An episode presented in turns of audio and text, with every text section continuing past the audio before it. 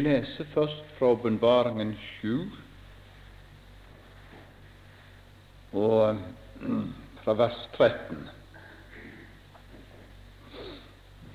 Og en av de eldste tok til orde og sa til meg:"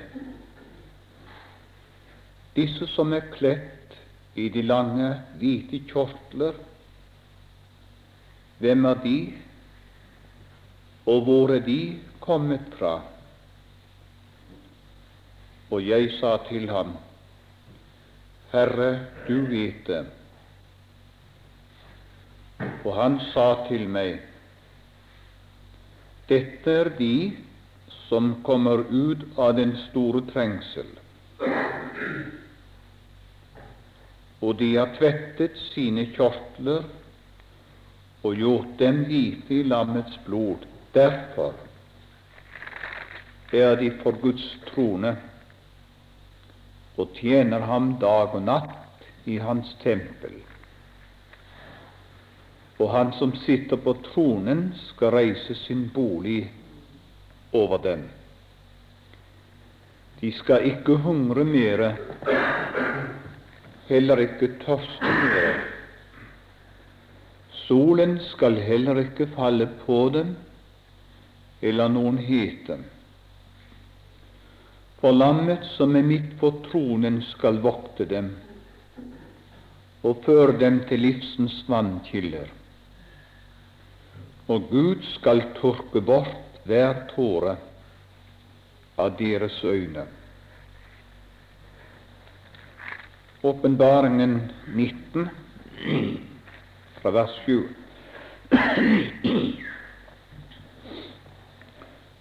La oss glede og fryde oss og gi ham æren. For lammets bryllup er kommet, og hans brud har gjort seg rede. Og det er henne kledt, og det er henne gitt å kle seg i rent og skinnende fint lin. For det fine lin er de helliges rettferdige gjerninger. Vi ber, gode Gud og Far, kall oss inn for ditt hellige åsyn. Foran det spørsmål vi skal stille oss i dag, om å være rede til ditt komme sitter noen i forsamlingen som ikke er det.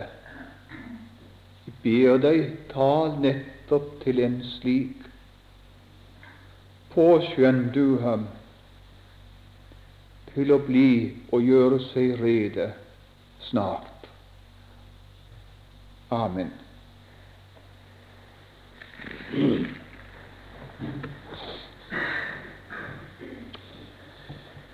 En av Bibelens herligste og største og gildeste sannheter for Guds folk, det er nettopp at Jesus skal komme igjen. Hvis ikke vi hadde det som kalles det salige håp, nemlig at Han skal komme igjen, så var det ingenting med alt det som kalles kristendom. Derfor er det sant, som en har sagt, at Kristi komme,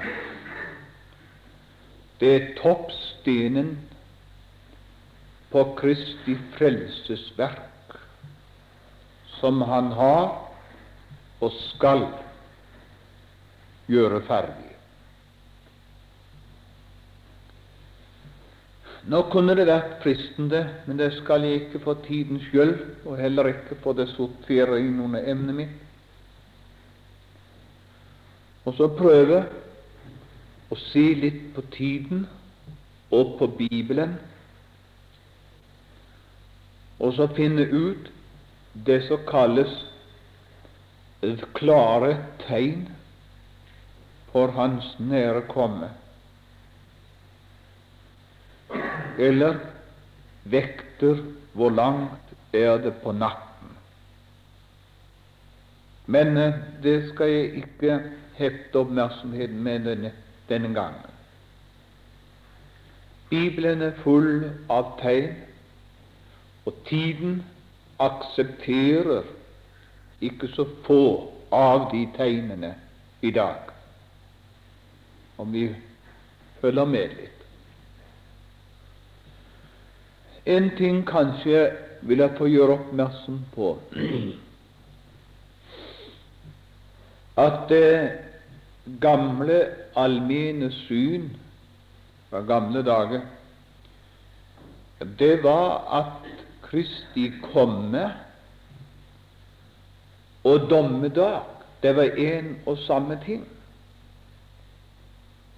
Jeg husker når jeg gikk i folkeskolen, vi hadde en troende lærer, så holdt han fram det synet. Og ikke bare han, men også i forkynnelsen. At med dommedag skulle alle døde oppstå. Jord og himmel skulle forgå, og så skulle Jesus komme igjen og holde dom over levende og døde. Og dermed var historien slutt. Nå kan vi sikkert si at de fleste bibelgranskere og menn med kjent og betydelig navn, de deler ikke lenger det syn. De hevder, og hevder med rette, at Kristi komme skal finne sted eh, med, gjennom to akter den første akt skal han komme for å hente, bortrykke menighetens troende. Og ved den bortrykkelsen skal de døde i Kristus først oppstå, og de troende levende forvandles, og så skal de rykkes i skyer opp i luften for å bli med Herren. Det er den første akt. Den andre akt består i at han skal komme tilbake. Ja, la meg si det. Den første akt skal ikke være synbar. Han skal møte sine hellige i luften. Den andre akt, da kommer han til dom og om den akt heter det at hans føtter skal da stå på oljefjellet.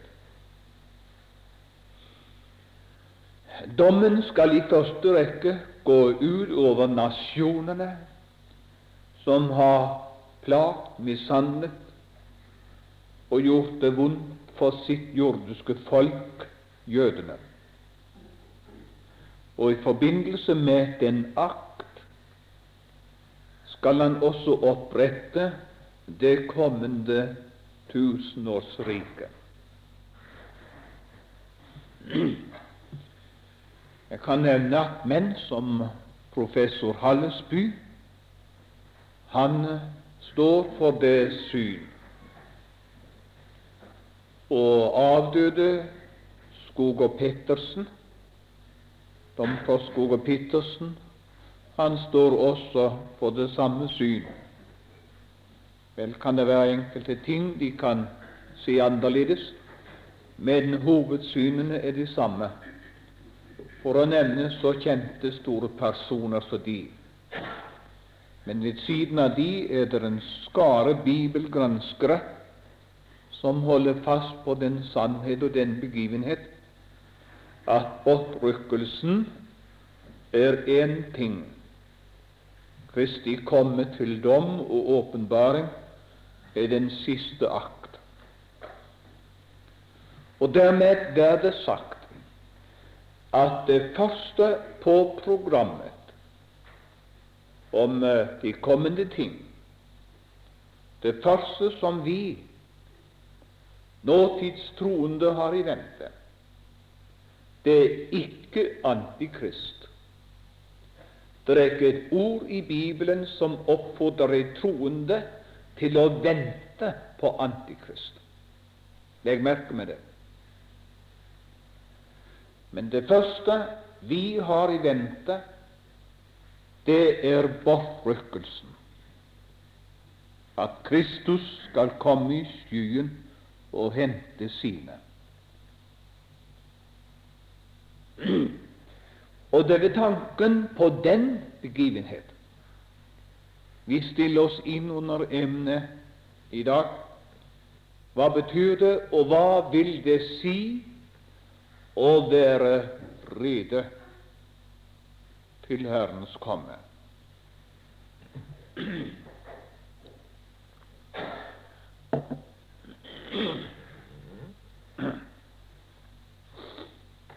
Så langt jeg kan se av Skriftens svar på spørsmålet, så går det an, eller skal man være rede i to betydninger.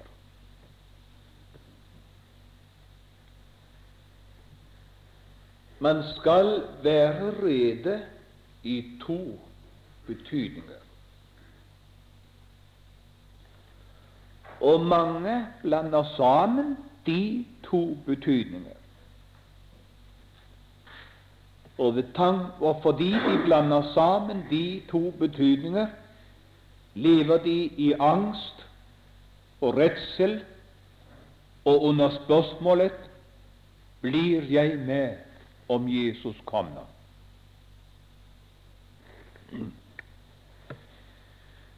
Det er om den første betydning vi kan bruke.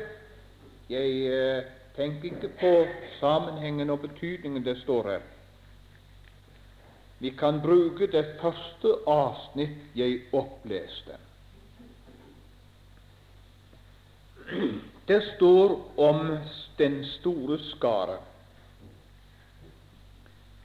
Og så blir det spurt hvem er de, og hvor er de kommet fra? Johannes kunne ikke svare, så svarte engelen selv. Og så sier han dette er de som kommer ut av den store trengsel. Og de har tvettet sine kjortler og gjort dem hvite i lammets blod. Derfor er de for Guds trone. Vi sier altså her at det som ga disse adgang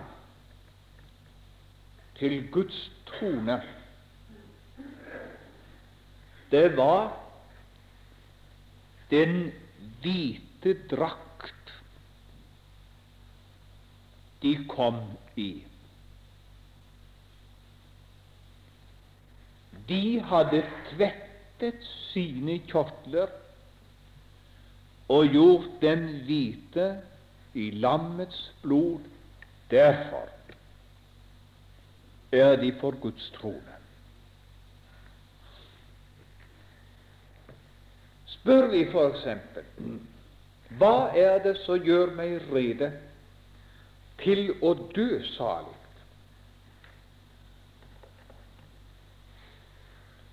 Hva er det som gjør et menneske ferdig å gå til himmelen gjennom døden?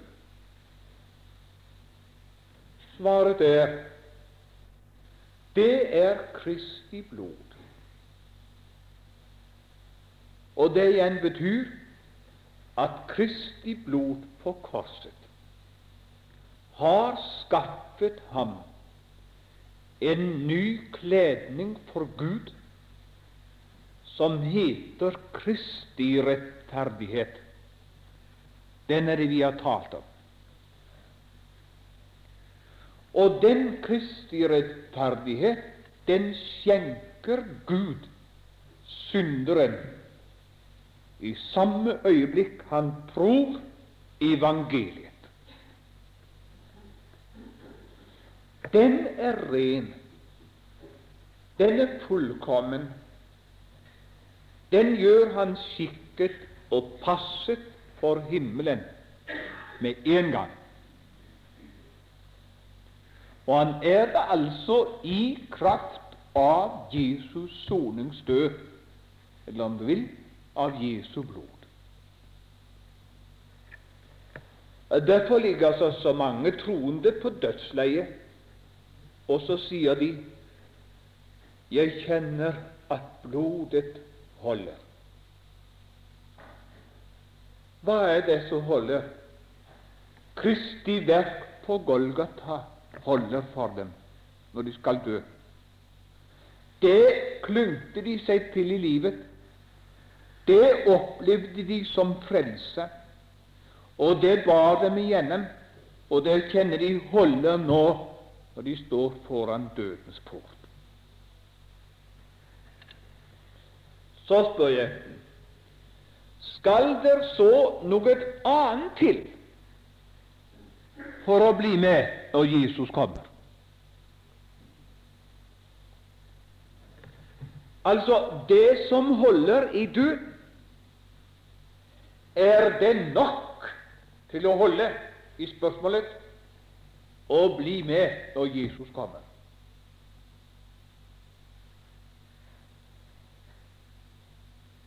Dessverre er det en hel del som sier nei, det er ikke nok.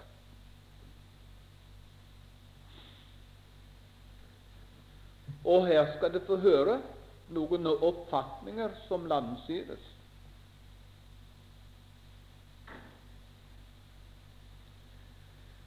Du må tilhøre de fem kloke jomfruer for å bli med. La gå med det. Men så sier de de fem kloke jomfruer var åndsstøtte troende mens de fem dårlige ikke var åndsstøtte troende. Og så sier de bare de åndsstøtte blir med når Jesus kommer.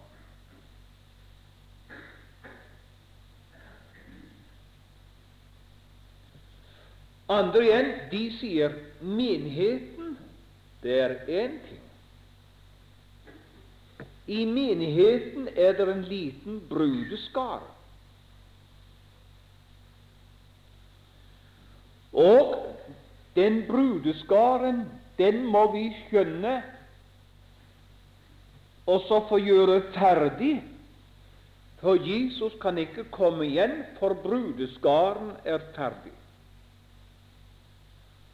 Og når han kommer, er det bare den lille brudeskaren som blir med. Menigheten går igjen og må gå gjennom den store trengsel. Ja, sådan forkynnes det. Jeg har lest det, og jeg har hørt det med mine egne ører. En tredje retning og en tredje forkynnelse går ut på at hvis du skal ha håp om å bli med når Jesus kommer, så står det og faller med hvor langt du er kommet i helliggjørelsen.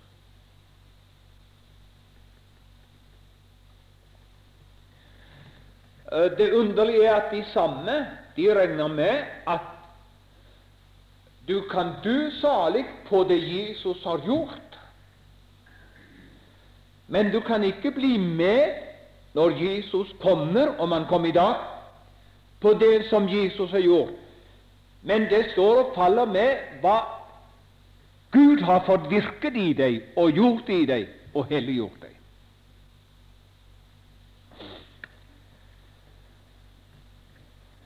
Til det vil jeg bare svare at jeg spanderer ikke krut på døde katter. Alt det der er døde katter, det er ikke noe som spanderer krut på og svarer engang på. Men såpass må vi si det er vranglære på det området. For saken er at Kristi soningsblod har gjort en synder ferdig til å gå inn til himmelen ved døden, og det samme blod gjennom rettferdiggjørelsen har gjort han ferdig til å bli med når Jesus kommer. Og han skal ikke ha noe annet til å stole på og bygge på for å bli med.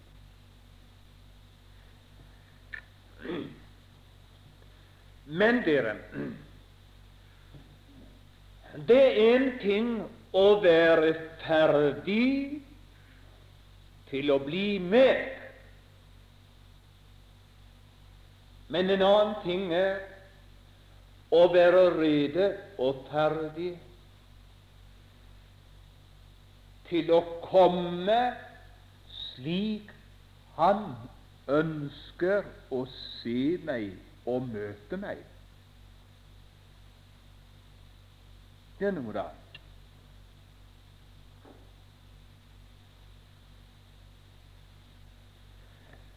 Å bli med er én ting, men å være ferdig slik Han ønsker å finne meg når Han kommer, det er noe annet. Og det er altså den andre betydningen av å være rede til Hans komme. Og hør nå, dere Den side taler Bibelen mest om. Men mange gjør da det feilgrep at rede så som han ønsker å møte meg, legger de til grunnlag for å bli med når han kommer. Og så kan du skjønne tid skal da bli i orden? Tid skal jeg da være sikker på at han kan bli med? Tid kan jeg da være trygg på at Jesus skal ta meg med? Og hvordan kan jeg da, med Paulus, lese at trøst da være andre med disse ord? Da bør vi heller lese 'skrem da hverandre med disse ord', for jeg er så, og jeg kjenner meg så, og jeg føler meg så. Jeg kan visst ikke bli med.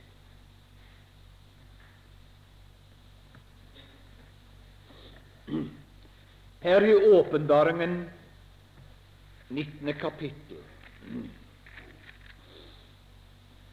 der er menigheten bortrykket hjemme hos Gud. Og eh, der, heime hos Gud, der er den kommet inn i farshuset, som Jesus taler om i Johannes 14. Og der er den i en tilstand som betegnes med lammets bryllup. Og det underlige er å se, hvis du leser her om lammets bryllup, så har den fullstendig likhet med normalt bryllup her på jorden, bare uten fyll og drikk og dans.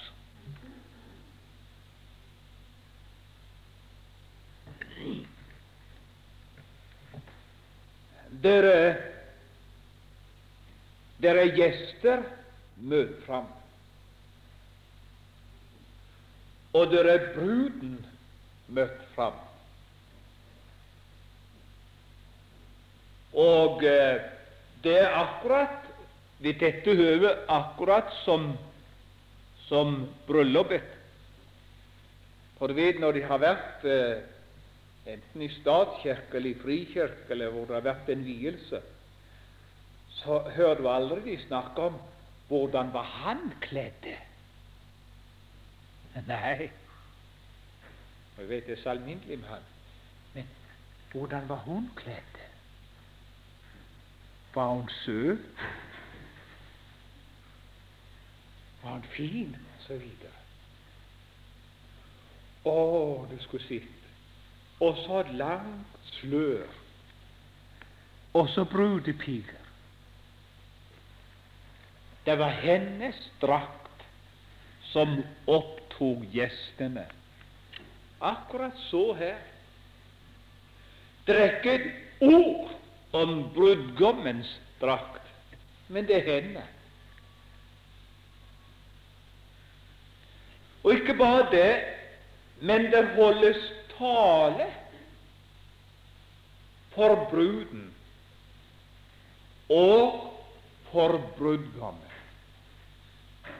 akkurat som det skal være under et bryllup. Og når det lider mot kvelds, så holdes det et festbord og et festmåltid. Etter festmåltidet, nattverd, som det heter, så betyr kveldsmåltid så bryter selskapet opp.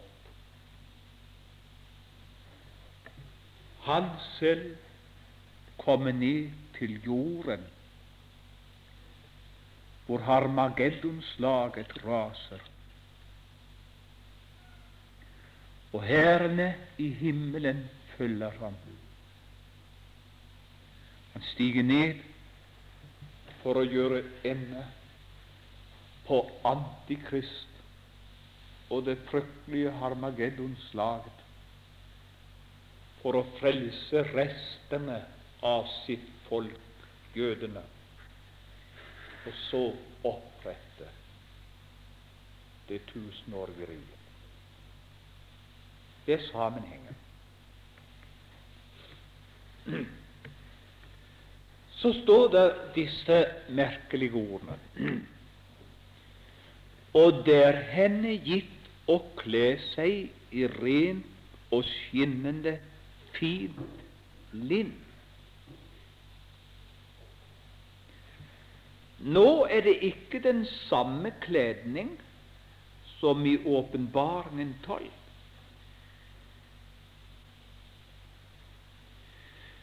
Det er en kledning framlagt brakt av en tvettelse i lammets blod.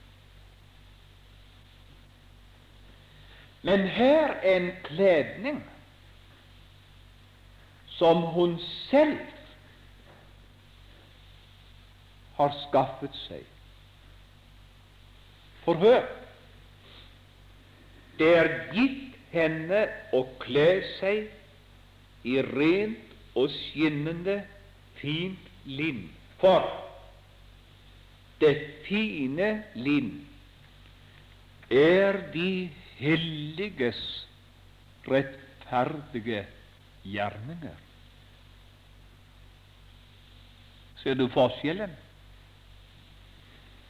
I bryllupssalen har hun nå en kledning frambrakt av sine hellige, rettferdige gjerninger.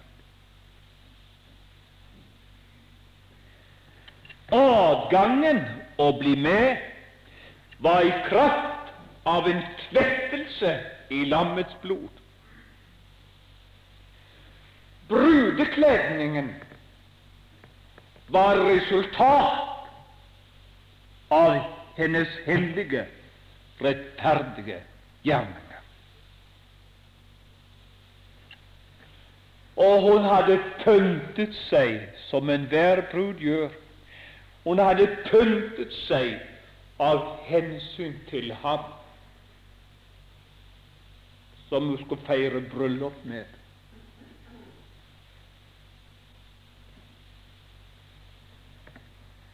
Og det kan være sikkert at enhver brudgom Ja, ja, en brudgom Hvis det da er noe tak i ham, så både kler hun seg for ham den dag,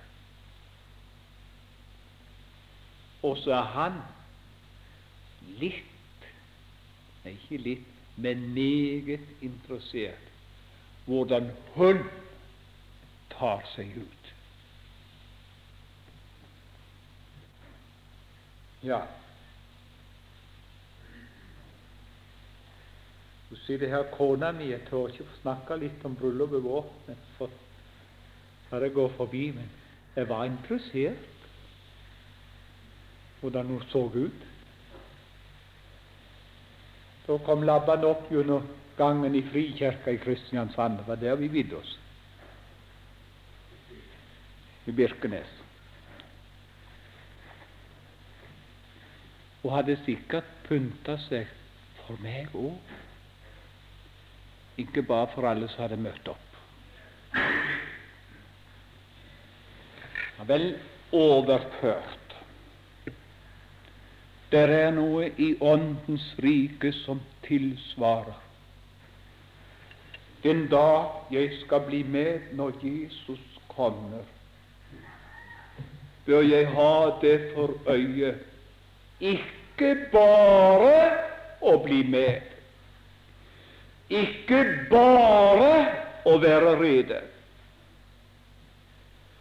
men at Han skal finne meg og møte meg slik Han ønsker jeg skal være.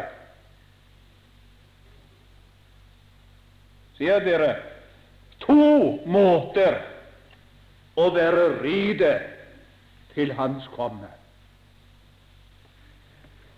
Spør vi så hvori består denne redegjør, reding, stillingen å være redig? Han har sagt redegjørelse, men det passer Selvsagt mange ting, men la meg ta med noe. Det første, det er han ønsker deg opptatt med kjærlighetsgjerninger. For det fine lin er de helliges rettferdige gjerninger. rettferdige gjerninger utført av en kristen.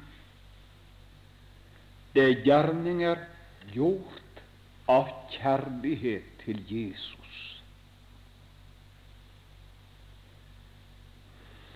Herren ønsker ikke sin menighet, sine troende, sitte på en, en haug og så bare hendene i kross og ingenting gjøre, og så bare speide etter Hans komme. Heller ikke på en sofabenk og ligge og rope 'Halleluja, kom, Herre Jesus'. Han ønsker sine i aktivitet når han kommer. Og han ønsker de opptatt i kjærlighetsgjerningene. Vil du høre en av kjærlighetsgjerningene han ønsker? Hebreabrevet 6, vers 10. For Gud er ikke urettferdig, så han skulle glemme eders verk og den kjærlighet merk, den kjærlighet I har vist mot Hans navn, i det I har tjent og ennu tjener de hellige. Se her. Har tjent og ennu tjener de hellige. Det betraktes for å vise kjærlighet mot Jesu navn. Sådan ønsker Jesus å møte deg eller finne deg når han kommer, opptatt i tjeneste for de hellige av kjærlighet til Jesus. Videre han ønsker deg med brennende lamper, lik brudejomfruene. De brennende lamper det er et bilde på bekjennelsen. For hvis du går i en mørk vei, og så tenner et lys, så bekjenner du at her er en person. For lyset avslører personen og forteller at han er til stede midt i mørket. Og dyre endetiden Det er mange som regner med og tror at det skal bli en stor vekkelse før Kristus kommer. Etter, på Bibelens grunn tror jeg akkurat det motsatte. For meg om brudejomfruene står det de sovnet alle inn. Både de kloke så vel som de dårlige. Og på hvilket område sovnet de inn? De sovnet inn i bekjennelsen og i forventningen. De sovnet inn i, i forventningen, og så sluknet lampene. Så var det ikke bekjennelse lenger. Og dere, det skal gå så i endetiden at Guds sanne menighet skal sovne inn og ikke være bekjennende nok. Og det skulle ikke forbause meg om den skal sovne inn med hodeputen lagt inntil rom og sove trygt igjen, som i middelalderens tid. Det synes mange ting, og så går det en vei alt i dag.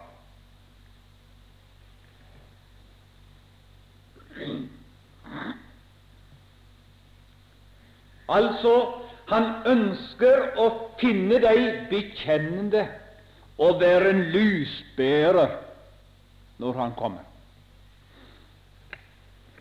Og for det tredje han ønsker å finne deg ventende på ham. Å leve i forventning på den Herre Jesus blir det salig. Det betyr ikke å være overspent. Det betyr ikke å være livsfjern. Men det er midt i dagliglivet og så kjenner en underbar lengsel og kjærlighet til Han skal komme igjen. Og Gud, om Han kom i dag. For dere, det beste som kan hende denne verden, det var om Jesus kom snart.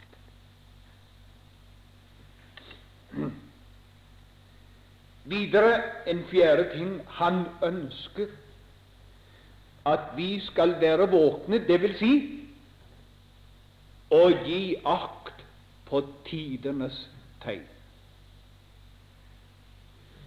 En gang sa han til sitt folk at himmelens tegn, altså naturtegnene, de kan de tyde, men tidens tegn kan ikke tyde.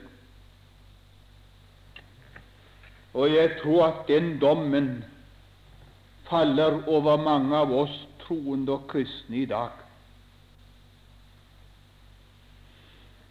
Vi har nådd langt fram i kjennskap til tegn i naturen, og virvarsling, om du vil, og satellitter og alt dette her.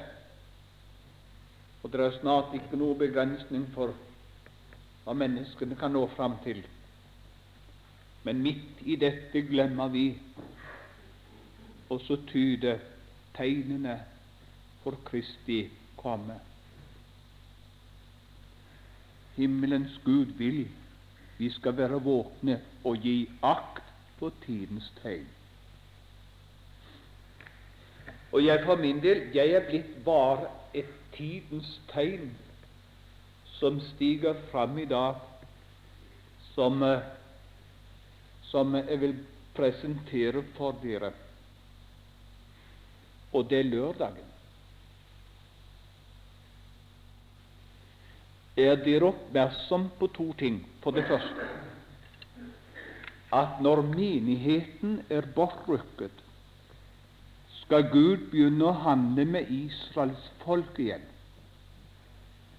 Og i samme øyeblikk han, han begynner å handle med Israels folk, skal sabbaten inntre, lørdagen igjen. Og sabbaten skal bli hele jordens hellige dag igjen. Og kan du nå se hvordan Gud forbereder verden og jorden for lørdagens sabbat. I Amerika er man i union, så er det ingen som arbeider på sabbat. Jeg har eldste sønnen min nede i Tyskland. Han forteller Han er i den amerikanske sonen. Han forteller de arbeider ikke på lørdagen. Også nettopp i disse dager er det ført inn i Norge i mange bedrifter og i mange, mange bransjer ikke arbeide på lørdag. Vet du hva det betyr? Det er Gud som forbereder sabbaten for verden, for den skal komme igjen like etter at Kristus har hentet sine. Mine venner, gi akk på tidens tegn. Og snart skal det få se over hele linjen. Forretningene lukkes på lørdag. Ikke arbeide på lørdag. Folk vil bruke den kanskje mest til fornøyelse, hjemmearbeid og til sport osv. Men Gud står bak og bereder verden til det som skal finne sted etter bortrykkelsen. Lørdagen skal bli verdens helligdagen. Sabbaten skal komme igjen.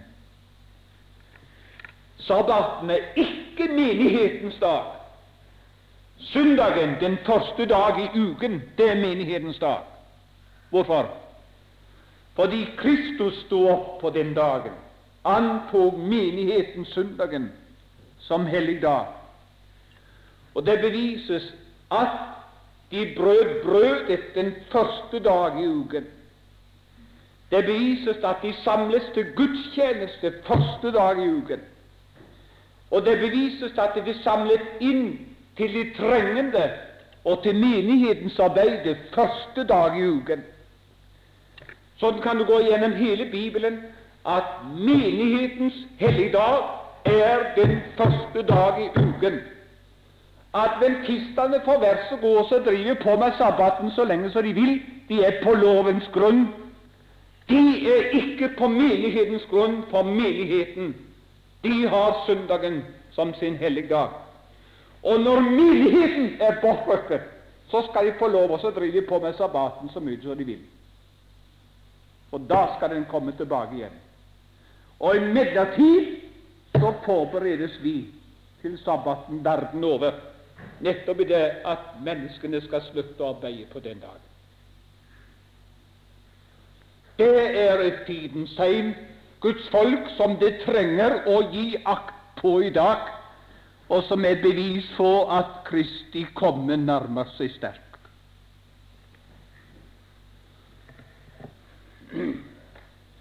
Hvor han også ønsker en levende menighet som ifølge åpenbaringen 22.20 råper Kom, Herre Jesus, kom snart. Det er en Jesus som sitter på tronen i dag, som lengter. Han lengter etter den dagen da han skal reise seg fra tronen og gå sin blodkjøpte brud i møte og hente den. Men vil ikke det da være fint at han fant en brud, en menighet, som også lengter tilbake og råper Kom, Herre Jesus, kom snart. Sådan ønsker han deg og meg. Rede til å bli med er én ting. Rede til å være slik Han ønsker å møte deg når du kommer, det er en annen ting. Og på begge områder, særlig det siste, trenger vi å gjøre oss rede i praktisk kristendom, og bl.a. også å leve i lengsel, i forventning og i bønn om Kom, Herre Jesus, kom snart. Så må jeg lov å spørre er du rede til å bli med om Jesus kom nå? Det lå en venn av meg og sov, eller skulle sove, borte i Stavanger. Lyset var sløkt. Borte i barnesengen der lå lille Bergljot. Hun ropte på pappa gang på gang. Hva er det? Det er ikke noe, sa hun. Kastet seg att og fram, og en stund så ropte hun 'Pappa, sover du?' Nei, men hva er det, Bergljot? Nå må du sove. Var det stille en stund, så kom det igjen. 'Pappa, sov du?' Nei, men hva du vil, Bergljot? Pappa, blir du med om Jesus kom i natt?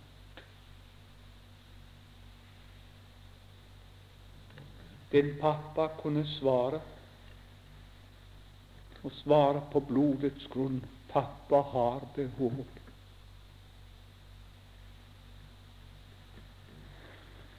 Hva kan du svare om dine småbarn spurte deg i kveld om det samme? Eller du som ikke har barn, hva kan du svare?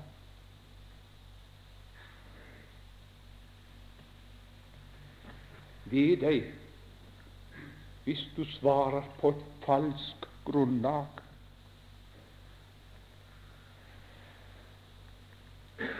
hvis du ikke kan svare på det grunnlag, tvettet sine kjortler og gjort dem hvite i lammets blod. For det er det eneste grunnlag du skal få bli med på, ikke noe annet. Herre Jesus, takk for du skal komme igjen. Takk for vi skal få lov å vente deg. Takk for vi har det beste foran oss som er frelst. Takk, kjære Jesus. Takk for om du kom nå, så skal mange fra denne forsamling forvandles og bli med i skyene for å møte deg. Men det er kanskje noen som ikke rede. Du vet og kjenner hjertene. Å, Herre, Si dem, du, at de må skjønne seg og bli rede, for det haster. Amen.